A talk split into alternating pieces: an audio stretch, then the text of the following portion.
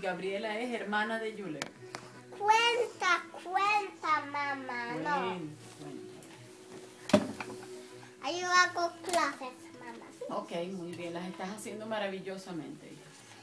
Y el chico, el chico quiere una nefu de una clase especial de una chiquina no me pelaba en el diciembre guaquero cuál es una diciembre Ujú. Diciembre, enero, febrero, no, los meses, sí los meses los meses. Enero, no no el No. melo el melo es cinco mamá ok.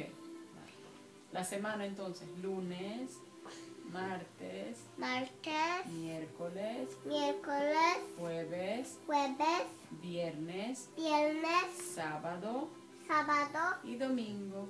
y domingo Ujú. Hoy es viernes. hoy es viernes ¿Y qué pasa hoy? ¿Qué día es hoy? ¿Qué pasa hoy?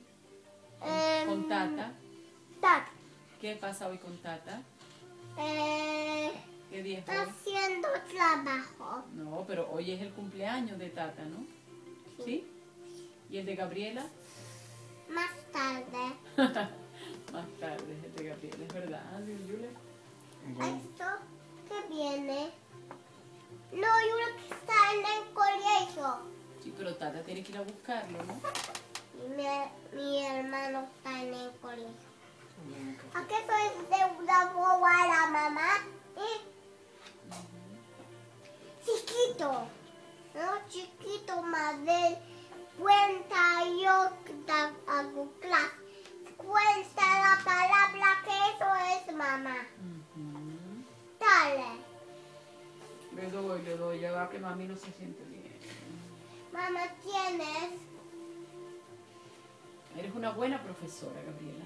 Gabriela da muy bien las clases, Pero ¿no? cuenta este libro, mamá. Lento este libro, a ver, hay que leer aquí. ¿Qué hay aquí? Vamos a Una leer. familia.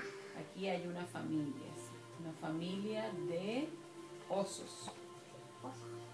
Está mamá Bien. oso, mamá oso, papá oso y los tres hermanitos osos, ositos pequeños, ¿verdad? Yo leo cuánto es. Cinco y dos. Un día la familia oso salió a caminar. Fueron al bosque a buscar comida, toda la familia oso. El papá oso se vistió, la mamá oso se vistió y todos fueron a buscar comida en el bosque.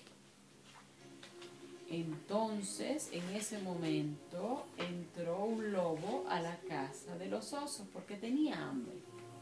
Y el lobo pensó, "Mm, mira, una casa de osos, pero no veo a nadie.